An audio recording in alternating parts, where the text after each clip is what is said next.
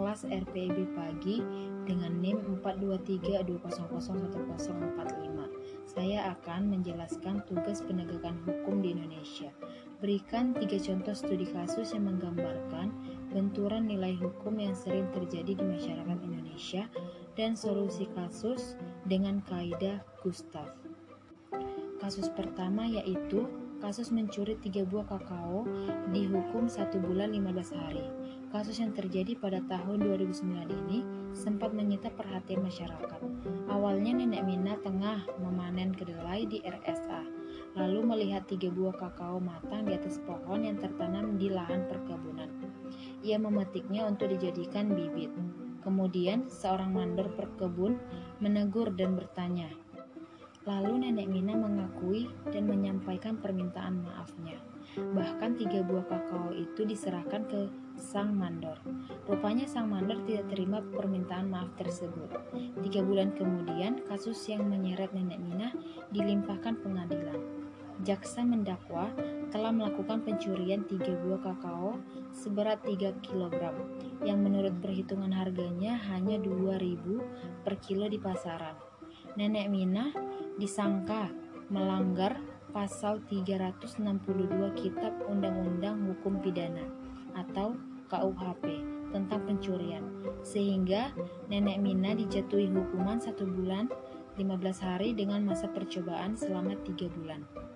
Nah, solusi kasus mencuri tiga buah kakao dengan kaidah Gustav yaitu pada kasus tersebut menjadi perbincangan di masyarakat karena dirasa seperti kasus yang dipaksakan.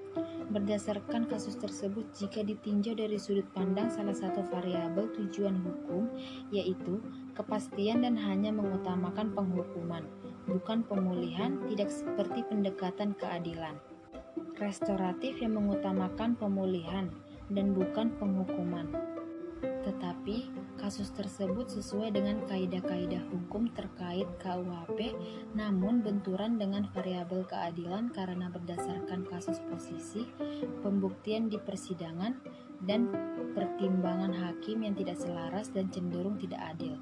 Lain halnya dengan pendekatan keadilan restoratif yang lebih mengutamakan pemulihan dan bukan penghukuman.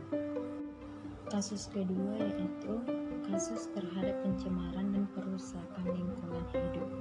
Pada kasus tersebut, prinsip utama diciptakan untuk memberikan kepercayaan kepada masyarakat atau manusia terhadap kepentingan yang berbeda yang dimiliki manusia satu dengan manusia lain dengan tujuan untuk terwujudnya kesejahteraan.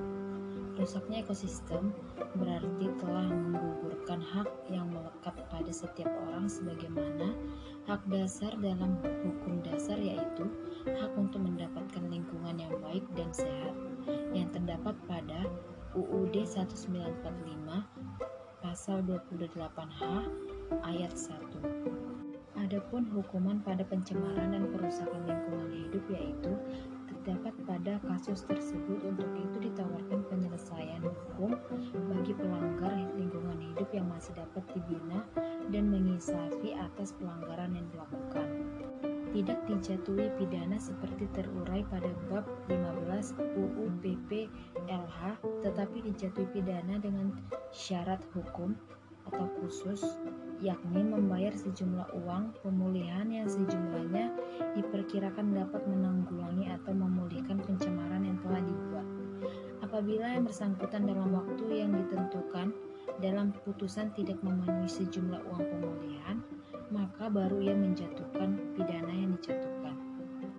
Solusi yang berdasarkan dengan kaidah Gustav yaitu keadilan, kepastian, dan kemanfaatan menjadi harapan untuk mewujudkan pengolahan lingkungan berdasarkan Undang-Undang Nomor 32 Tahun 2009 tentang Perlindungan dan Pengolahan Lingkungan Hidup.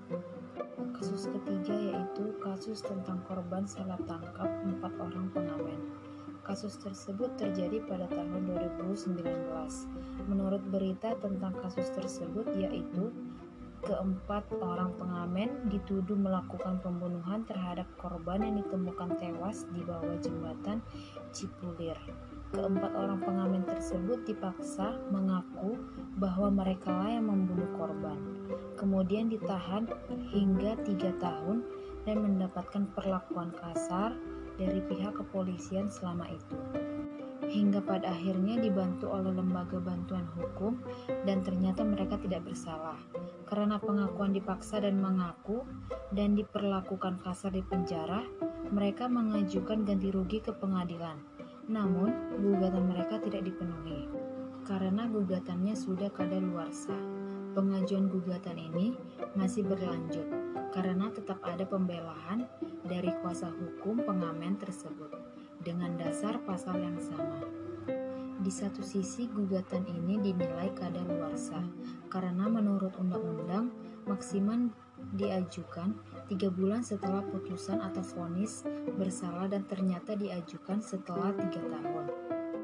Namun di sisi lain, dengan penafsiran berbeda undang-undang yang dimaksud ada kata atau tiga bulan setelah putusan vonis bersalah atau salinan putusan vonis tidak bersalah yang baru terbit Maret 2019 lalu yang dapat dihitung belum sampai tiga bulan.